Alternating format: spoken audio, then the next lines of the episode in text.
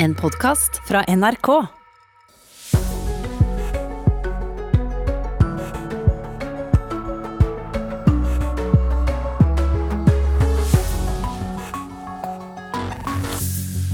Fredag 16. har vi kommet til nå. Det er med andre ord midt i juli, midt i sommeren, og her er noe av det du kan vente oss i Nyhetsmorgen på en dag som dette. Vi skal selvfølgelig først til naturkatastrofen i Tyskland og snakke med vår eh, korrespondent. Men ikke bare det, du skal få høre eksperten som vet hvordan vi kan bygge oss ut av problemer som følger av eh, flom. Og så skal vi snakke om kvinner som ønsker jobb i fiskeindustrien, men som møtes av både slivrige kommentarer på Facebook og som får jobbtilbud i bytte mot seksuelle tjenester. Dessuten så går det jo mot slutten av sykkelrittet Tour de France, og hvis du ikke har fulgt med så langt, men går i tanker om å gjøre det nå i helgen, så skal vi fortelle deg det du trenger å vite for å bli oppdatert. Nyhetsmorgen i dag med Birger Kolsrud Jåsund i studio. Ja, rundt 1300 personer er altså ikke gjort rede for etter ekstremt regnvær og flom i distriktet Bad Neunar-Arweiler i Tyskland natt til i går.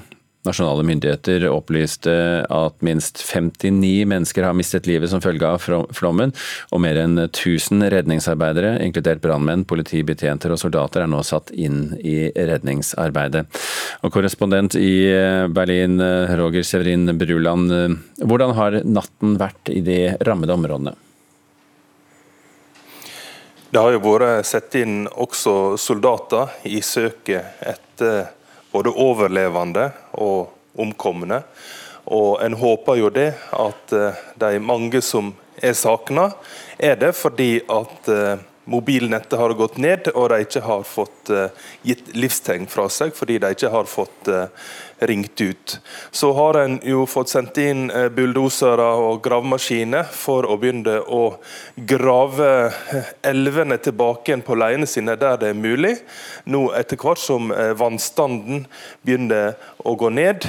Og Da kan en jo også begynne å vurdere de enorme skadene og se hva som eh, da akutt må gjøres, sånn som å få på plass eh, Naud-strøm og få inn eh, rent drikkevann og mat til de som måtte trenge det. Mm. Enorme skader, sier du. Kan du fortelle noe mer om hvor store skadene er?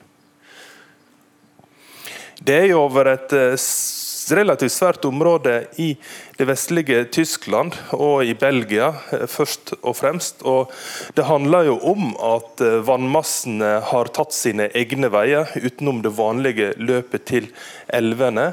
Og Da har det jo revet med seg bolighus, veier, strømledninger, eh, biler. Alt som står i veien. Og det som skjer er jo Når vannmassene kommer med høy fart, så kommer det jo også store steiner. og Det er sterk strøm, så det har vært farlig. og Det var jo en brannmann som ble tatt av eh, en slik eh, sterk straum etter han hadde berga en person som hadde vært eh, i livsfare. Og så Når det her da roer seg, så kommer jo det her brune, stinkende leira og slammet som tetter igjen alle avløp og gjør oppryddingsarbeidet svært krevende. Hvordan er stemningen, og hvordan reagerer tyskere nå på det som skjer i denne delen av landet deres? Det er jo veldig stor sympati for de mange som har blitt heimløse. De som har mista sine kjære.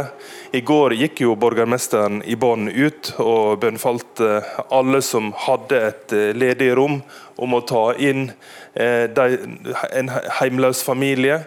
Og eh, Det er jo lagt ut sånne krisenummer eh, der folk kan ringe inn og tilby husly, og, og der folk kan ringe og, og, få hjelp eh, om det de måtte trenge. Angela Merkel er jo for tida i USA på sin siste offisielle tur der.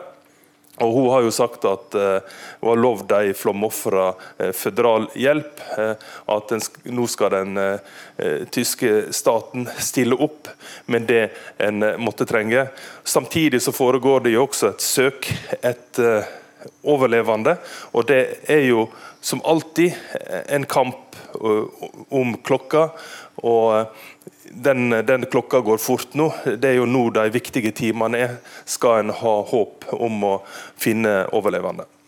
Ok, Roger Severin Bruland med oss fra Tyskland, takk for at du var med i denne runden. Ja, bygninger som kollapser og store elver som renner over sine bredder, det er jo ikke bare i Tyskland det skjer. Eh, instituttleder eh, på Institutt for konstruksjonsteknikk ved NTNU, Carl Høiseth, god morgen. God morgen til deg. Hvorfor tror du at det har blitt så enorme skader etter denne flommen, slik eh, Roger beskrev for oss? Da får vi spekulere litt. Skadene skal jo altså Konstruksjonene våre de skal bli stående, de. Eh, så, så her er det altså en, sannsynligvis en, en ulykkes tilstand som, eh, som, ikke har vært eh, en, en, ja, rett og slett en uventa tilstand. Som, som, forskriftene våre, som regelverket vårt, og, ikke har, har hatt dekning for. Men uh, når hus, broer og veier blir ødelagt av flom, så, så dukker jo spørsmålet opp. Går det an å bygge seg ut av det problemet? Ja, det går alltid an. Eh, men det er jo et, det er et spørsmål om eh, for det første kostnader. Eh, og, og i det sånn tilfelle som det her, så, så, er det vanskelig å tenke seg det. fordi at det må ha skjedd Det er en uventa ulykkestilstand som ikke fanges opp som jeg sier, av, av et regelverk. da. Men på den annen side så har vi jo, vi har jo eh, flommer med mer eller mindre jevne mellomrom her i landet også. Ehm, og eh, det er vel ikke overalt man har tenkt eh, på den flommen som kommer når man har bygget. Det må man jo kunne gjøre noe med. F.eks. hvor man bygger i terrenget, og ikke minst hvordan man bygger husene. Jo, jo. Det er jo, det er jo det er riktig det. Altså, eh, hva man gjør før eller når man prosjekterer, og hva som eh, skal gjøres etterpå. Når, når man oppdager eh, ja, mulige, mulige, belastninger eller, eller, mulige hendelser som kan oppstå. Um, ja. Men, men ta, hvis vi tar for oss La oss si Gudbrandsdalen, som, som i jevne mellomrom får høy vannføring. Er det måter å bygge hus på som gjør at uh, man kan klare å kombinere å bo der og eh, tåle en flom? Ja ja, det, det, er mulig det. Og hvordan gjør man det? Eh, det gjør man ved, ved, For det første så må man starte med det som er grunnlaget, og det er den flommen man kan regne med. Dette er NVE sitt eh, ansvarsområde. Eh, altså flomkart, og hva som er, er forventa i, i, henhold til statistikk. Da, hvor Vi snakker om hundreårsflom og, og kan så godt snakke om tusenårsflom også. Eh, så Det er grunnlaget. Eh, og Da, da kan, vi, kan, vi, vite hvordan eh, bæreforholdene i grunnen er, og hvor, hvordan vi må fundamentere bygningene våre. Og Dette er ikke noe ukjent problemstilling, det, som du sier. Ja, vi har det absolutt ikke verst her i Norge. Nede i Mellom-Europa, de store elvene, Mas, Rhinen osv., der har man jo dette med, med mye større hyppighet enn her i Norge. Og Det er to måter jeg kan tenke meg. Den ene er jo helt opplagt. og det er eh, at man, at man eh, fundamenterer på, på, bæredyktig grunn. Eh, og det andre er hvis man forventer sånn type flom som det er her, altså med kanskje en vannstand som i nærheten av huset kan være en halvmeter eller noe sånt, og kanskje mer enn det også. At rett og slett bygningen må kunne forflytte seg oppover. Eh, ikke sideveis, men oppover. Det, på den måten har man dimensjonert bygninger, i, i, ja, spesielt i Nederland, hvor eh, det er nærmest som et skip å regne som er fast, eh, fast i brygga, og som flyter opp og ned. Mm, de, de, bruker ordet aquatecture. Er det noe vi bør tenke på her i Norge også, eller, eller har vi andre typer forhold? Ja, vi, jeg tenker at vi skal stole på at NVE har flomkart som er eh, troverdige. Og så skal vi um, som prinsipp forsøke å ikke bygge i de mest flomutsatte områdene. Og Der er du inne på noe når du sier at hva med bygninger som allerede står. Og det, det, er jo en problemstilling i Norge hvor vi da bygger, prøver å bygge oss ut av det med demninger og, og sørge for at vannet finner rette, rette avløpet. Da. Det... I, I, urbane strøk så er dette etter hvert blitt eh, en, en kjent sak. Um, en ting er flom, en annen ting er at vi, vi bygger etter hvert veldig tett i byene våre. og Vi asfalterer og vi stenger alle muligheter for at uh, vann kan slippe unna annet enn i rør. Uh, og da, det, det, fordrer jo, Når du ser på de bildene fra, fra Tyskland her nå, så ser du for deg hvilke rør, dimensjoner, som man måtte ha for å få vekk uh, disse vannmassene. Så her har vi noe å tenke på? Her har vi noe å tenke på. Det tenker vi på. Eh, Rådgivende ingeniørers forening leverer sånn med jevne mellomrom en uh, veldig interessant rapport som heter 'State of the Nation'. Uh, hvor vi etter så godt som mulig uh, redegjør for hva er det som, som må oppgraderes av infrastruktur. Vi, vi, får ta og sette en strek der, Carl Høyseth, for jeg er helt sikker på at vi kunne snakket i, i timevis om dette. Vi runder av der. Eh, Carl Høiseth, altså instituttleder på Institutt for konstruksjonsteknikk på NTNU. Takk for at du var med oss her i Nyhetsmorgen. Vi bytter tema. Det er eh, hittil veldig få pasienter her i landet som har valgt å bruke det som kalles fritt behandlingsvalg, og ordningen står for en ganske liten brøkdel av eh, helseutgiftene. Fritt behandlingsvalg det er altså den retten som gir deg rett til å velge behandlingssted eh, for alle planlagte undersøkelser og behandlinger. Men selv om den er lite brukt, så har jo da fenomenet blitt en viktig sak i valgkampen. Og Høyre og Arbeiderpartiet de står steilt mot hverandre. Vi ser at mange pasienter er svært fornøyde. Derfor ønsker vi at flere skal ta i bruk denne ordningen, som betyr at de sjøl får velge hvor de tar imot behandling, og ikke bare må ta til takke med det de blir tilbudt av det offentlige. Sier Høyres Sveinung Stensland. Nei, Vi vil eh, stoppe denne privatiseringsiveren som eh, høyreregjeringa har eh, prioritert. Svarer Ingvild Kjerkol fra Arbeiderpartiet. Vi mener det står i motstrid til målet om en sterk offentlig helsetjeneste til stede over hele landet. Fritt behandlingsvalg ble innført i 2015. Private helseleverandører som blir godkjent, kan ta imot pasienter med rett til behandling for det offentliges regning. I fjor var det i alt 18 000 pasienter som brukte fritt behandlingsvalg. Prislapp 385 millioner kroner. En viktig del av helsetjenesten er det ikke, ifølge professor Terje P. Hagen, som leder Institutt for helse og samfunn ved Universitetet i Oslo. Nei, det er ikke en veldig viktig del. Det er for det første veldig lavt volum. Altså det er relativt få pasienter som blir eh, behandla der. Og i tillegg så vil en kunne få til den behandlingsaktiviteten som ligger i dette systemet. Det vil en også kunne få til gjennom fritt sykehusvalg, hvis en ønsker det. Fritt sykehusvalg ble innført av Arbeiderpartiet i sin tid, og valgfriheten her gjelder offentlige sykehus og private og ideelle de kjøper tjenester fra. Bare Helse Sør-Øst brukte i fjor 4,5 milliarder kroner på kjøp fra private. Hvorfor er det greit for Arbeiderpartiet, mens fritt behandlingsvalg ikke er greit? Da gjør man det på den offentlige helsetjenesten sine premisser, og utarmer dem til fordel for eh, fri etableringsrett for private sykehus. Det er ikke Arbeiderpartiet sin politikk. Forskjellen er at med fritt behandlingsvalg så kan du velge aktører som ditt helseforetak ikke har avtale med, hvor som helst i landet. Sier Stensland fra Høyre. Og det er ikke sånn at helseforetaket definerer hvor du skal kunne få behandling, men det definerer du sjøl hvis du finner en aktør innenfor ordningen. Det er en viktig valgfrihet og en viktig rettighet for norske pasienter. Fritt behandlingsvalg er altså i volum en liten ordning i helsetjenesten, men som valgkampsak er den stor. Både for Høyre og Arbeiderpartiet. Med Arbeiderpartiets politikk så kan du velge innenfor det Arbeiderpartiet mener du skal. Med vår politikk så kan du velge òg utenfor systemet så lenge det er innenfor ordningen fritt behandlingsvalg. Det ligner et eh, mer ideologisk prosjekt å bygge opp en privat helsetjeneste på siden av det offentlige. Det ønsker ikke Arbeiderpartiet. Reporter her, det var Katrin Hellesnes. 17 minutter over eh, sju har klokken rukket å bli.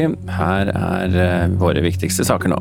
Rundt 1300 personer er ikke gjort rede for etter ekstremværet i Tyskland. Nasjonale myndigheter opplyste i går at minst 59 mennesker har mistet livet som følge av flommen der. Det siste året har det vært en kraftig økning i folk som vil ha norsk pass. Over 80 000 mennesker totalt har søkt etter, etter at det ble lov med dobbelt statsborgerskap i 2020. 8000 av dem de er svensker. Og Heng med oss videre, for om du ikke har fått eh, fulgt med Tour de France så langt, så skal vi oppsummere litt for deg og analysere litt det som har skjedd før de tre etappene som gjenstår.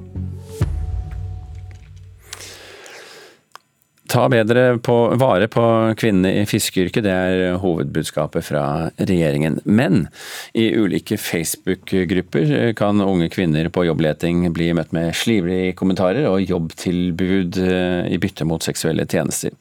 Cecilie Westermann er administrator i en sånn Facebook-gruppe, og har flere ganger blitt kontaktet av kvinner som har mottatt eh, meldinger som dette. Det er jo ikke seriøst i det hele tatt. Det, det er bare ekkelt. Cecilie Westermann er administrator for ei gruppe for folk i sjømatnæringa på Facebook. I gruppa kan folk melde sin interesse for jobb og engasjement, men Westermann forteller at unge kvinner mottar både sjikanerende kommentarer og personlige meldinger fra menn når de legger ut sine innlegg. Du kan ordne deg jobb på denne båten hvis du vil. Sender også med et bilde av meg som forresten er singel. Det er jo ikke ei datingside, det her. Det er jo en jobbside. Stygge kommentarer blir fortløpende sletta, og brukere som blir rapportert inn, utestenges fra gruppa. Jeg blir sjokkert. Eh, det er, det er veldig på en måte uvant for eh, det samfunnet man møter ellers, da. Ida Marie Grape er en av fiskerne som reagerer på innholdet i meldingen. Hun sier hun ikke opplever mange av de samme holdningene sjøl, men sier et liv i sjømatsnæringa kan være tøft. Det er jo en ganske tøff tone om bord. Eh, men jeg merker jo det at eh, siden vi er litt jenter om bord, at det på en måte mykner stemninga litt. Det som jeg også opplever, er jo en arbeidsleder om bord, er at eh, mange syns kanskje det er lettere å prate til meg. Hvis det er noen bekymringer de har eller noe sånt, enn å prate til mannlige arbeidsledere. Det her er jo uansett helt uakseptabelt, uansett næring. Det sier fiskeriminister Odd Emil Ingebrigtsen når han får høre om trakasseringa som unge kvinner mottar på Facebook. Tidligere denne uka fikk han en rapport fra Nofima som har undersøkt likestilling i fiskeriene. Den peker jo på at en røff kultur som kunne vært med på å bidra til å forhindre at man eh, får flere kvinner inn i fiskerinæringa. Så rapporten skal jo være et grunnlag for oss når vi nå skal utarbeide og legge frem en likestillingsstrategi for fiskeriene. Vi mener at fiskerinæringa går glipp av flinke arbeidshender hvis man ikke blir mer inkluderende og får fjerna hindringer og forskjellige ting som gjør at kvinner ikke ser seg likt til å gå inn i fiskerinæringa. Både fiskeriministeren, gruppeadministratoren og fiskeren vil ha flere kvinner på havet. Og fisker Ida Marie Grape har noen tanker om hva som skal til. Menn havner tidligere i det yrket her enn kvinner. Det er jo ofte sånn at det er liksom den første inngangen til eh, arbeidslivet som er vanskeligst. Eh, så dersom vi tar, eh, gjør tiltak på rekrutteringsplattformer, sånn at kvinner føler seg mer velkommen og mer ønska, at det er en lettere inngang inn i yrket, så tror jeg det kan ha mye å si for hele kulturen i dette arbeidsmarkedet. Reportere her, det var Veronica Tunasj, Anja Arild Tørnes Brekke og August Hansen. Tour de France nå. Tre uker, nei, det tre uker lange sykkelrittet nærmer seg nemlig slutten, og det ruller inn til avslutning i Paris på søndag. Selv om det fortsatt er da tre etapper igjen, så har slovenske eh, Tadej Pogasjar mer eller mindre sikret seg en ganske overbevisende sammenlagt seier. Men dette mm, rittet har jo i år vært preget av mange velt, masse offensiv kjøring og en dansk overraskelse. Carl Fredrik Hagen, en av Norges beste syklister, god morgen. God morgen, god morgen. Hva sitter du igjen med etter årets eh, Tour de France? Nei, det, det har vært jo en ø, ekstremt ø, spennende, spennende ritt så langt. Det, det, var jo preget mye i starten av disse veltene på, i Bretagne på de første etappene, som har påvirket mye, med bl.a. Primoz Roglic som som måtte bryte. Og så har det jo vært eh, veldig veldig imponerende av eh, Pogacar. Eh, samt at Mark Cavendish da, har jo selvfølgelig stått opp fra de døde og gjort det ekstremt bra i disse spurtene. Ja, for Han har jo ikke vært i toppform på, på mange år, egentlig. Hva er det som har skjedd med han, tror du?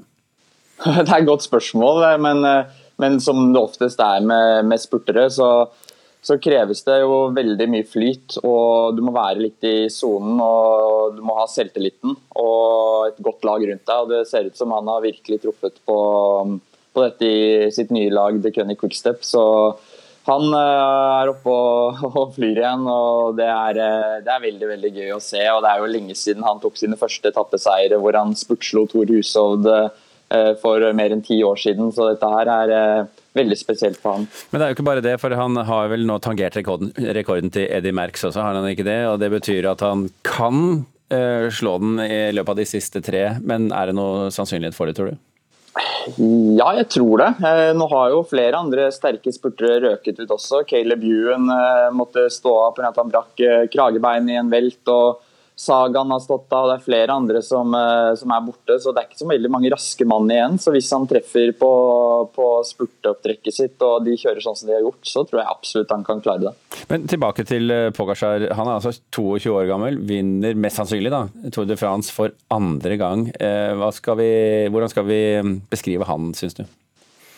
Han er eh, ekstremt sterk. Han har vært eh, egentlig en klasse for seg i hele Tour de France. og han var jo vanvittig sterk i fjor også, når han vant uh, Tour de France sammenlagt og tok Roglic på slutten der på bakketempoen opp La Planche de Belfi. Og han uh, er bare 22 år gammel og ekstremt sterk. Og han er så god på alt. Uh, så det at han vinner Han har ikke vunnet ennå, men det skal veldig mye til for at noen skal ta han. Jeg tror konkurrenten og de andre lagene også innser det nå, at han blir vanskelig å slå selv for eh, danske Jonas eh, Vingegård. Eh, han er også ung, også ganske imponerende type, egentlig? Ja, Vingegård har jo imponert sterkt. Han er jo egentlig en hjelperytter til Primoz Roglic. Og så forsvant kapteinen ut med velt og, og, og skader. og han griper muligheten selv og ser jo det på hvordan han kjører uredd, ganske smart og råsterk. Og han har jo vist i flere år at han har vært kjempesterk. Han tok jo en etappeseier i i sin første worldtour etappeseier i Polen rundt for to år siden. Men, eh, men, eh, da var det litt mer ustabilt. Da var han veldig god én dag, og så fikk han smellen dagen etter. Mens nå så viser han jo en enorm stabilitet. Så det er imponerende. Nå, nå, er, det, nå er, det, jo tre ritt igjen. Eh, er det spennende å, følge med, eller er det ikke så spennende siden løpet virker å være kjørt?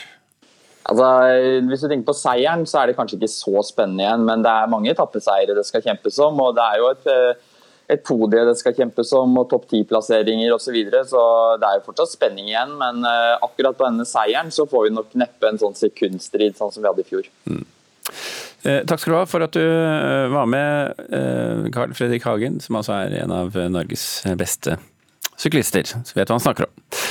Nå skal vi bytte tema til noe veldig annet tempomessig, i hvert fall. For i gamle dager så var det jo vanlig å bygge tak med bjørkenever det er ikke så vanlig lenger. Og nå er det få som kan denne kunsten å høste never, det, som er jo et unikt materiale i norsk byggekunst. I sommer så skal riktignok to studenter på Nordmøre ha sommerjobb med å høste bjørkenever fra skogen, og bidra til å redde en utdøende håndverkstradisjon. Men selv om det ikke er så vanlig, så er etterspørselen ganske stor, og studentene har fått bestillinger på over to tonn fra ulike museer rundt omkring i landet. Få smake av kniven, ja. Åsmund Tunheim skjærer nedover i barken. Så river han ut et flak. Og det er sånn det egentlig skal være, da. Det er lyden vi liker. Litt som bobleplast er det tilfredsstillende å rive av flaka. To halsaværinger har fått med seg en gjeng lærevillige venner på neverflekking. En sjelden kunnskap i 2021. Da sjekker jeg at jeg kommer inn gjennom nevra, og så tilter jeg kniven min Sånn at jeg drar ut nevra ut av stammen samtidig som jeg drar nedover. Sier Endre Aasen, barndomskompis til Åsmund. Jevn og fin bevegelse.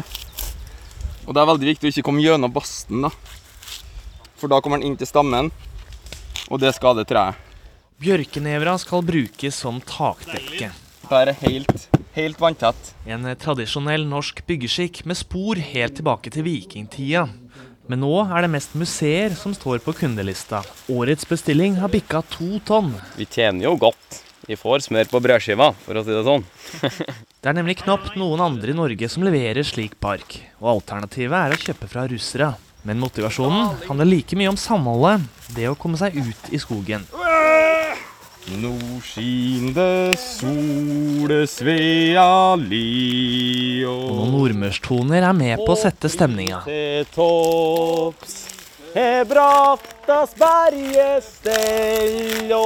Det starta med bestefar Jon Godal, en eh, forkjemper for håndverkskunsten i Norge. Åsmund var med i skogen allerede som barn. Det er ting som gjennom tidene av en eller annen grunn ikke er blitt dokumentert veldig nøye. Derfor så er det da viktig at det kommer inn i hendene på, på noen, slik at det rett og slett ikke dør bort. Jeg er veldig veldig glad for at jeg har fått muligheten da, til å lære sånne her ting. Som er liksom Det sitter ordentlig godt røta fast i kulturen.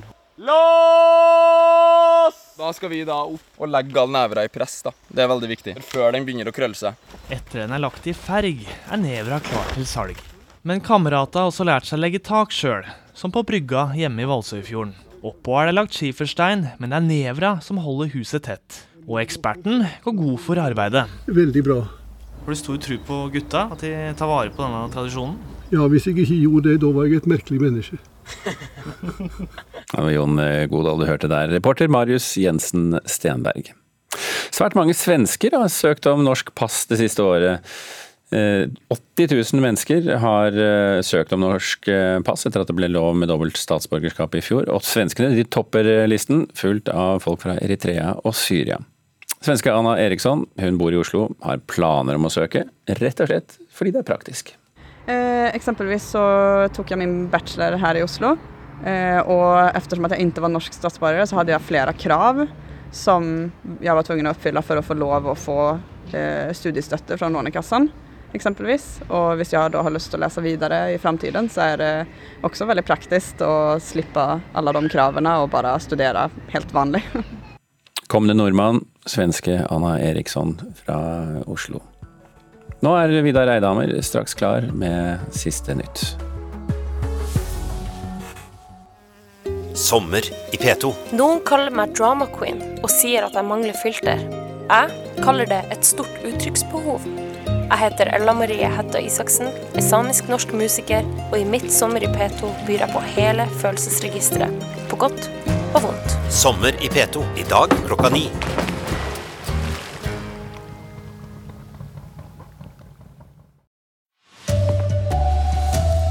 1300 personer er ikke gjort greie for etter ekstremværet i Tyskland. Faren er ikke over. Styresmaktene i Tyskland frykter en demning skal briste. Fritt behandlingsvalg er ikke særlig populært blant pasientene, men blir likevel en viktig sak i valgkampen. Her er NRK Dagsnytt klokka 7.30. I Tyskland får ikke styresmaktene tak i kring 1300 personer etter ekstremværet vest i landet. Mobilnettet er nede mange steder, og det er uklart om de 1300 faktisk er sakene i flaumen, eller om det bare ikke går å få tak i dem. Naturkatastrofen er en av de største i Tyskland i moderne tid, og innbyggerne forteller at de ikke fikk et varsel på forhånd, og at alt gikk svært fort. Journalisten fra tyske CDF er i et helikopter. Vannstanden er fortsatt høy, sier han. Bildene viser ødelagte områder, områder der vannet fra elven ikke bare har oversvømt landskapet, men knust det helt. Revet opp trær, slitt i stykker hus. Faren er ikke over, sier journalisten, og retter kameraet mot en demning som myndighetene frykter vil kollapse når som helst, med mulige katastrofale konsekvenser. Nede på bakken i kanskje den hardest berørte landsbyen Skjuld i Rhinland snakker Erika Stollenberg. Det skjedde så fort. Du prøver å få med deg ting, men det var allerede for seint. Det er en katastrofe. Det kom få advarsler i forkant. Meteorologene visste det ville regne, men det som faktisk kom var så overveldende at det var umulig for elvesystemene å takle presset. Bygningene ble til dødsfeller, sa forbundskansler Angela Merkel i natt før hun la til Jeg frykter at vi først i de kommende dagene vil se omfanget av denne katastrofen. Reporter Halvard Sandberg. Korrespondent Roger Severin Bruland, hvordan har natta vært i de råka områdene? Vi er jo fortsatt i en akuttfase, og det er jo en desperat leiting etter overlevende mennesker. Får gjort rede for hvor de savna er. Samtidig blir det jo meldt også om mange dyretragedier, for dyr er også råka i flaumen, både fra landbruket og kjæledyr. Og, og det er jo folk som altså det er jo, det er jo Eh, dyr som ikke kan, kan rope om, om hjelp. Så, eh, så, igjen så er vi i en uh, akutt fase, og, og, det haster nå med å få gjort rede for alle de sakene. Hva, hva gjør styresmaktene for å hjelpe de råka? Ja, En har jo flydd ut uh, massevis av mennesker med helikopter. En har gått inn med båter. En har fått uh, på plass for å reparere veier, slik at en kan få inn uh, kjøretøy. En må reparere strømnettet, få inn vann. Og igjen så handler det om å få kontroll, oversikt over situasjonen. Det er jo et relativt svært eh, område som er råka. Og vi hører jo også mange tragiske historier som kommer ut fra området, eh, spesielt fra Arveileren-distriktet, der eh, det var ni eh, personer på en eh, sovesal for funksjonshemma som omkom fordi de ikke kom seg ut i tide. Dette her var jo en flom som kom veldig brått på, og som var veldig veldig farlig, og som slo til eh, svært også loka i lokale områder. Ja, vi snakker om at det kan være snakk om en 200 års flaum, dette. Hvordan reagerer tyskerne på det som har skjedd? Det er jo svært traumatiserende fordi at livet ditt blir snudd opp ned. Og du våkner opp til en slags eh, dummedagsscene. Eh, de lokale kringkasterne får også kritikk fordi at de ikke gikk på med direktesending raskt nok for å advare befolkninga. Det, det, viser jo bare hvor fort det her gikk. Og Nå er det jo tusenvis av mennesker som er hjemløse. Det er nå en stor aksjon på gang for å skaffe dem husly. Folk blir bedt om å tilby husrom eh, til de som har mista heimene sine.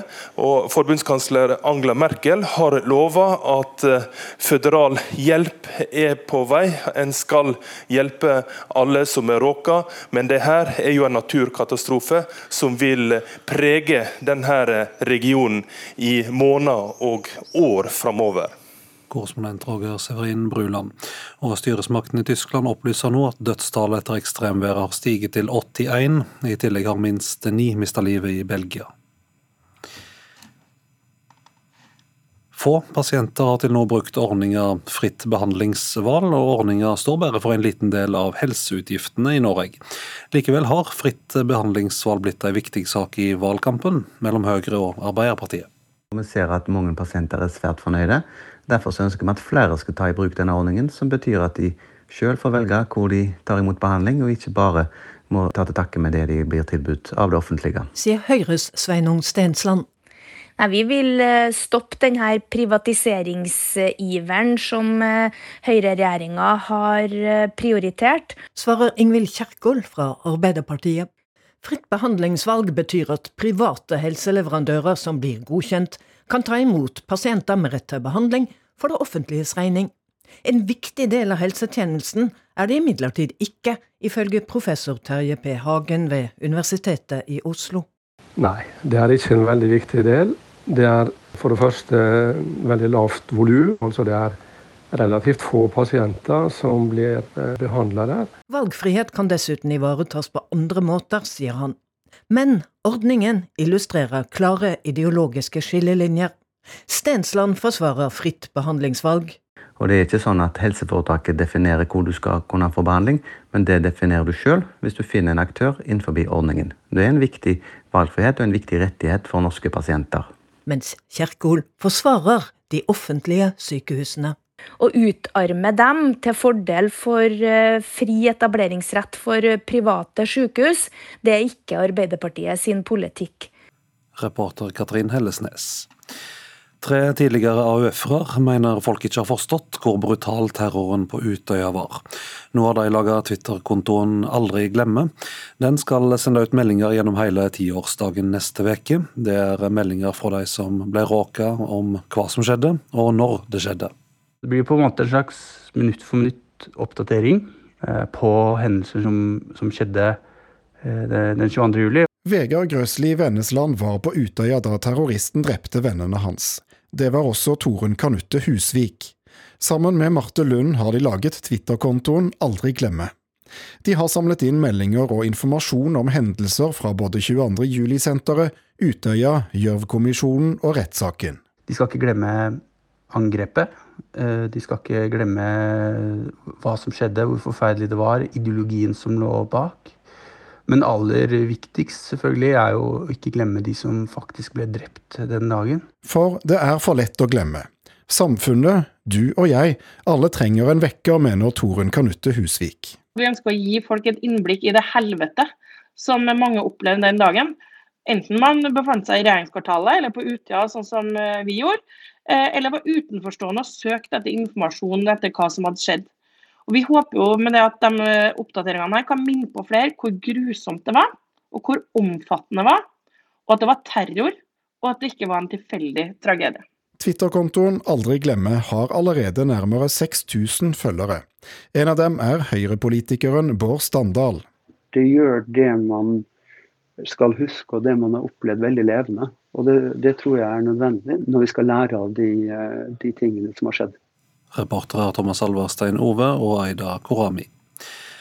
Svært mange svensker har søkt om norsk pass det siste året. I alt har over 80 000 personer søkt om norsk pass, etter at det ble lov med dobbelt statsborgerskap i fjor. Svenskene topper lista, fulgt av folk fra Eritrea og Syria. Svenske Anna Eriksson bor i Oslo og har planer om å søke, rett og slett fordi det er praktisk. Eksempelvis så tok jeg min bachelor her i Oslo, eh, og at jeg ikke var norsk statsborger, så hadde jeg flere krav som jeg var tvungen å oppfylle for å få Eh, studiestøtte fra Lånekassen. Og det var venta at tallet ville øke, sier Øystein Tonstad Leknes i Utlendingsdirektoratet. Svenskene har nok eh, ønska det lenge. Eh, de har bodd i Norge lenge. Det finnes veldig mange svensker i Norge. Før så har man måttet si fra seg sitt svenske statsborgerskap, mens nå kan man beholde det. Ansvarlig for sendinga var Erlend Rønneberg, og i studio Vidar Eidhammer.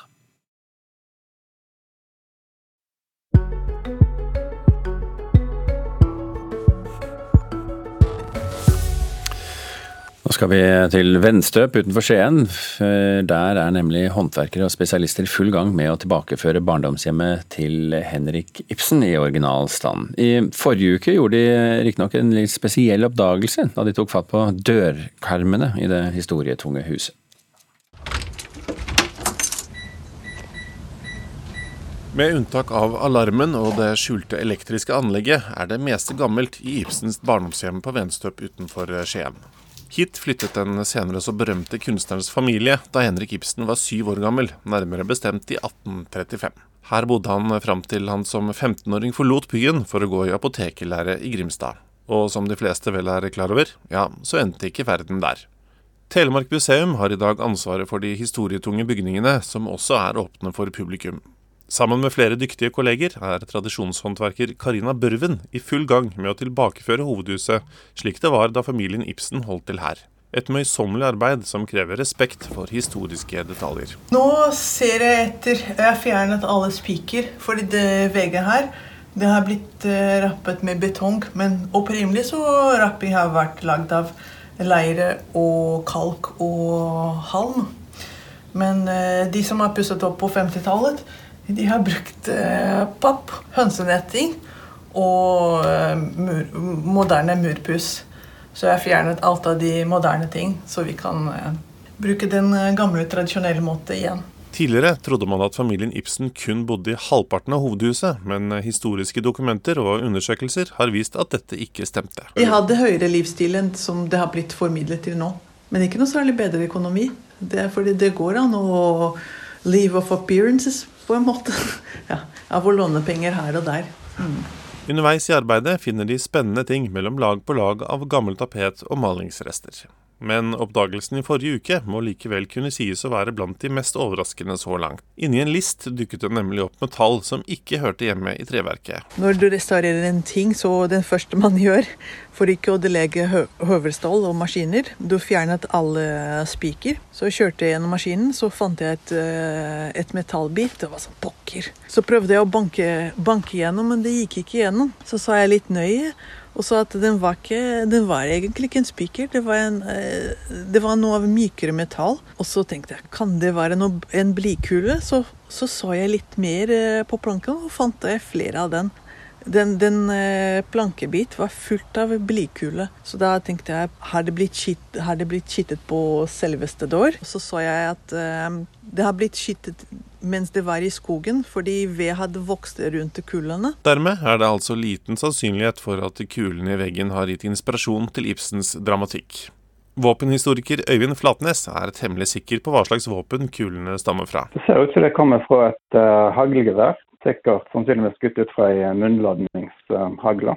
Så Det ser ut som ganske store hagl, så kanskje det, det er prøvd å felle et rovdyr. Og de som måtte ha interesse av gamle håndverkstradisjoner, eller se hva som skjuler seg i veggene til Ibsens barndomshjem, er hjertelig velkommen til å stikke nesa innenfor døra. Om de bare spør de ansatte på forhånd. Det, det er faktisk veldig positivt. Folk liker å se. De liker å, å være her mens ting skjer. For dette er jo virkelig formidling? Det er virkelig formidling. Så det blir både formidling om Ibsens liv, men også om byggetradisjon, om byggemetode. Tilbakeføringen skal etter planen være ferdig til mars 2028.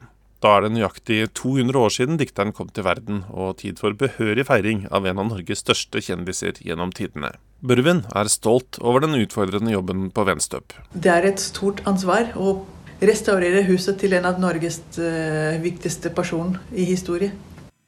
Reporter her, det var Nils eh, Skomsvold.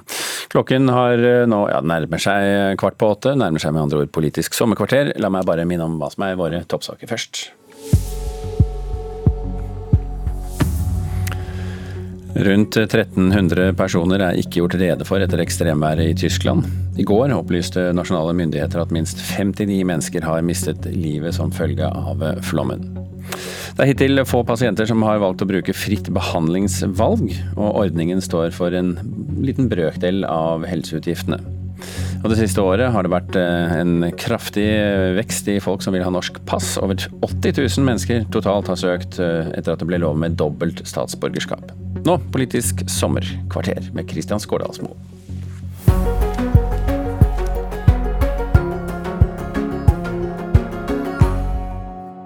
Vi har um, en utfordring med å vi, vi, skulle hatt flere kvinner. Det, det, er jeg veldig enig i. Mitt navn det er eh, Aina Stenersen, og jeg er eh, tredjekandidat til Stortinget fra Oslo. Og så er jeg leder av helse- og sosialutvalget i Oslo bystyre. Bråket i Oslo Frp, Aina Stenersens mulighet for å kapre en stortingsplass og forskjellen på Sylvi Listhaug og Siv Jensen, det skal vi snakke mer om. Men aller først, hva er det med Frp og kvinner? I et forslag til nytt sentralstyre tidligere i år var Sylvi Listhaug den eneste kvinnen. Flaut, mente stortingsrepresentant Roy Steffensen. Nå ble ikke resultatet så ille. Til slutt så ble fire kvinner valgt inn i sentralstyret. Men samtidig er det sånn at profilerte kvinnelige Frp-ere, som Kari Kjønaas Kjos, Åshild Brun Gundersen, tidligere statsråd Solveig Horne og ikke minst partileder Siv Jensen, til høsten forsvinner ut av Stortinget. Og Fremskrittspartiet har ingen kvinnelige listetopper, med unntak av partileder Listhaug. Hun kan dermed bli eneste Frp-kvinne på Stortinget i neste periode, sjøl om Fremskrittspartiet ligger an til å få omkring 10% av stemmene i valget. Er Frp et gubbeparti? Vi har um, en utfordring med å vi, vi, skulle hatt flere kvinner. Det, det, er jeg veldig enig i. Og de eh, kvinnelige politikerne som du, du, nevnte, er jo veldig flinke og har markert seg. Og, og, Siv Jensen også har jo jeg eh, nærmest vokst opp med i, i, politikken. Og jeg var jo politisk rådgiver når hun eh, Eller en periode sammen på Stortinget. Og det er helt klart at vi trenger flere kvinner i de fremste posisjonene og som, som toppkandidater. Eh, og jeg var jo den første kvinnelige toppkandidaten noensinne i Oslo i 2019.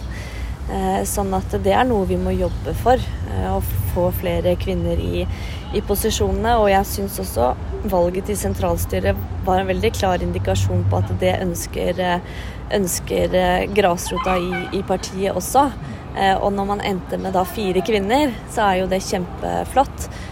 Det jeg ønsker er jo at kvinnene skal få sjansen og muligheten uten at menn liksom må gi fra seg plassene, men at det blir naturlig at kvinner blir innstilt. Da. Hva tror du er årsaken til at Fremskrittspartiet sliter med denne problemstillinga? Det kan være flere årsaker til det. Jeg tror det kan være positivt å bre seg ut på flere saker. Eh, og snakke om da helse- og omsorgspolitikk, barnehage, eh, trygg by eh, og, og eldreomsorg. Og også bre seg ut på flere felter, også næringslivspolitikk. Det tror jeg er, er, positivt. Og vi er veldig tydelige på noen få saker som kanskje appellerer ekstra til, eh, til menn. Eh, men det er veldig mye god politikk vi har for, for, kvinner også, som vi kan bli bedre å løfte opp. Da. Hva er det for eksempel, da? F.eks. så er det eh, mer frihet i, i hverdagen. Eh, altså velge barnehager. Eh, ha flere lærere i skolen. Eh, mer fokus på å fullføre både ungdomsskole og videregående skole.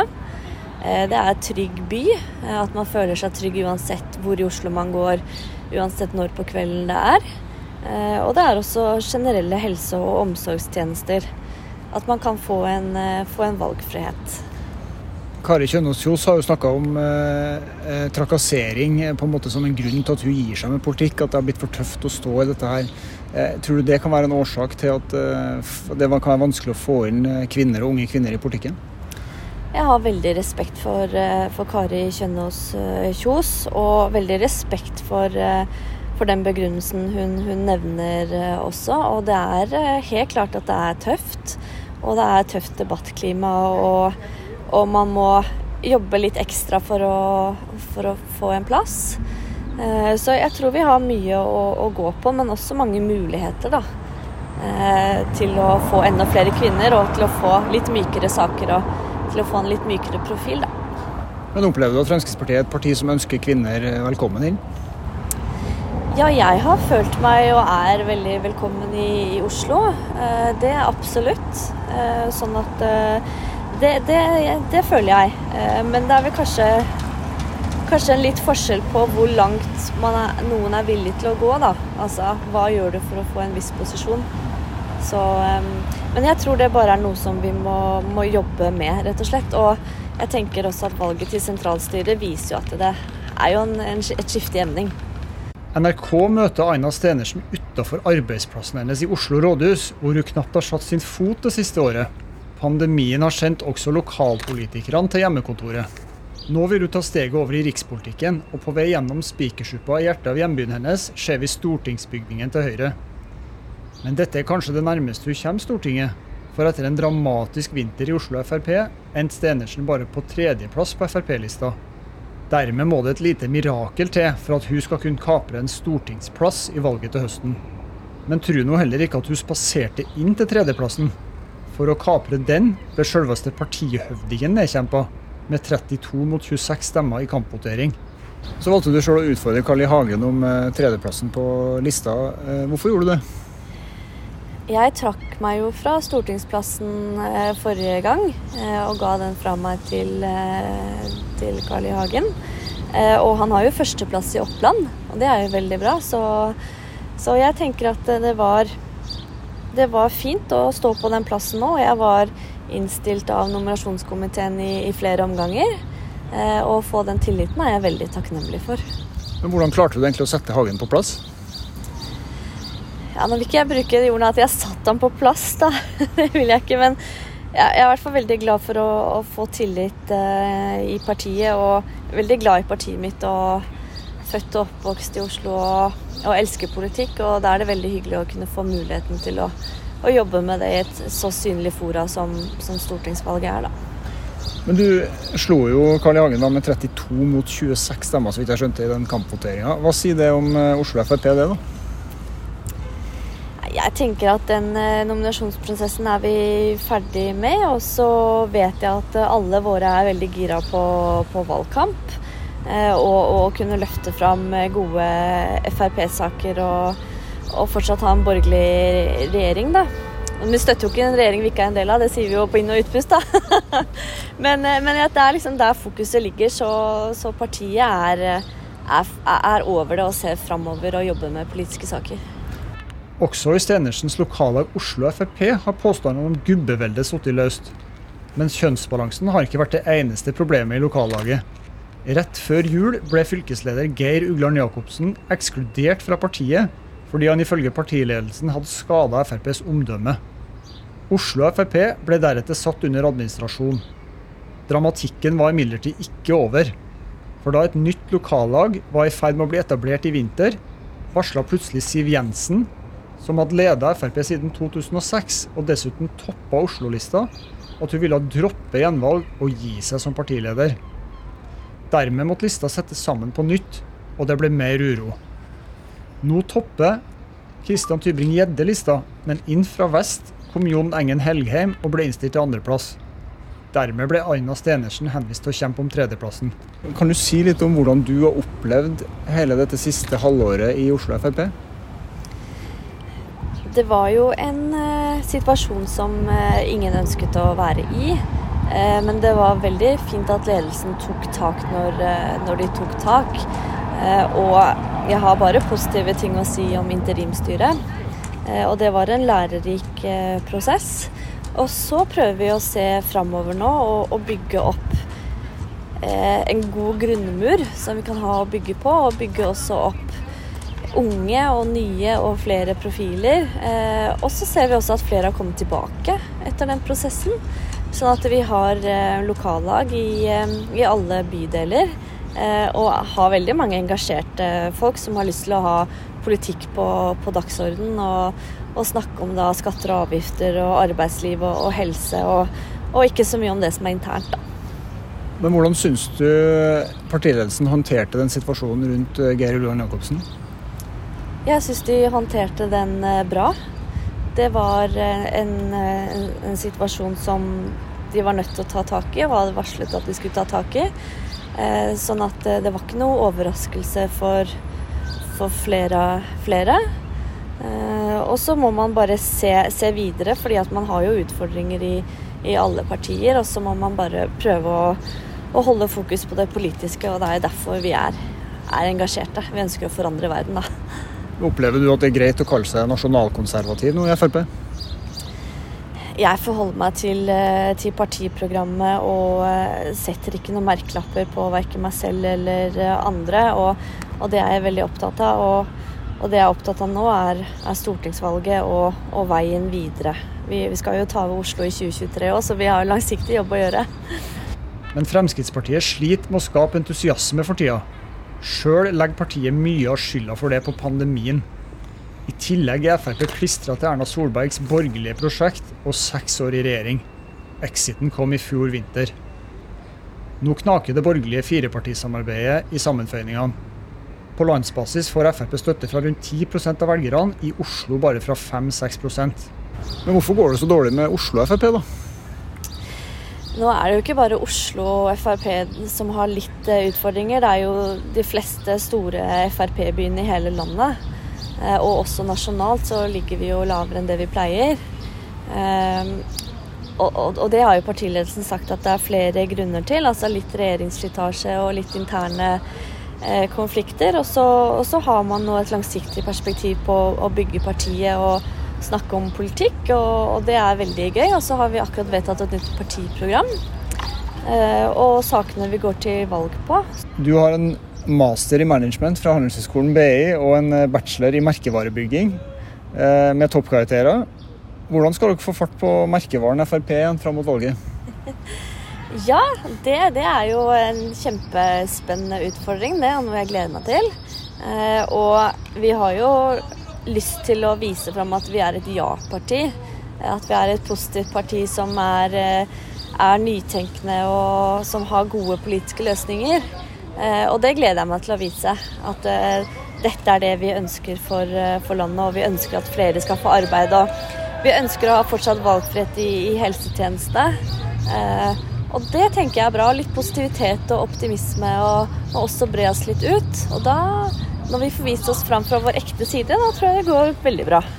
Hvis du skulle trekke fram tre saker som Fremskrittspartiet skal vinne valget på, hva vil du trekke fram da? Ja, Fra et Oslo-perspektiv så vil jeg trekke fram eh, at vi skal eh, ha fortsatt drift på Ullevål sykehus.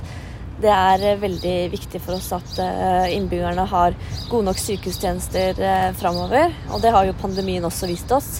At her må vi få mer kapasitet og ikke mindre. Og så ønsker vi jo Aker for hele Groruddalen. Og så er det arbeidsplasser. Flere må, må få arbeid. Oslo har jo høyest arbeidsledighet i hele landet. Så det er et kjempeviktig tema. Og så er det også å ha en en, en trygg og inkluderende by. Eh, at vi f.eks. I, i Groruddalen og i Oslo syd er med og løfter unge og, og trygger, sånn at ikke unge skal være redd for å bli utsatt for kriminalitet, men at vi, vi gjør en by trygg, og at flere skal fullføre skole og få seg jobb. Hvordan blir det å få Siv Jensen som sånn syvende mor i huset nå? Vet du hva, Tidligere partileder Siv Jensen har jo sagt at hun ikke skal være en syvende mor i huset. så altså, det, det, er kjekt, det. Hva er forskjellen på Sylvi Listhaug og Siv Jensen som partileder? Det tror jeg nesten de må få svare på selv. Hva syns du, da? Nei, det blir jo spennende å se. Nå har jo Sylvi Listhaug blitt valgt nå på, på landsmøtet. Så får vi jo se fremover, da. Jeg gleder meg. Men du har vel sikkert noen råd til Sylvi Listhaug om hvordan du skal løfte Frp? jeg tror ikke jeg skal gi, gi noen råd til, til eh, Sylvi Listhaug. Jeg tror hun klarer seg fint på, på, på egen hånd. Ja. Men fra et Oslo-perspektiv så er det vel noen saker som du ønsker at man skal løfte fram også nasjonalt, kanskje? Ja, eh, politiske saker som vi ønsker å løfte opp, det er jo som sagt eh, Ullevål sykehus. Eh, der trenger vi jo drahjelp. Eh, og så er det også å få flere lokale eh, politistasjoner, eh, og det er jo også nasjonalt. Og flere arbeidsplasser også. Og da er det jo viktig å ha gode betingelser for, for næringslivet. Og innen skatter og avgifter så går vi inn for å f.eks. fjerne eiendomsskatten. Og det er jo viktig, viktig sak for, for innbyggerne også. Skatter og avgifter. De må, må ned. Så der, der har vi noen råd, da, tross alt? Ja, ja litt sånn politiske saker har vi.